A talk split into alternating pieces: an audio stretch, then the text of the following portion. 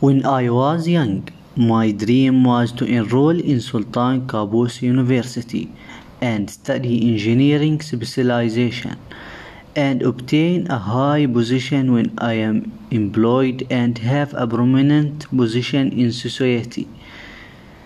And indeed, I entered the university, but in the media specialization. This matter will not prevent me from continuing to achieve my dream and obtain a high position.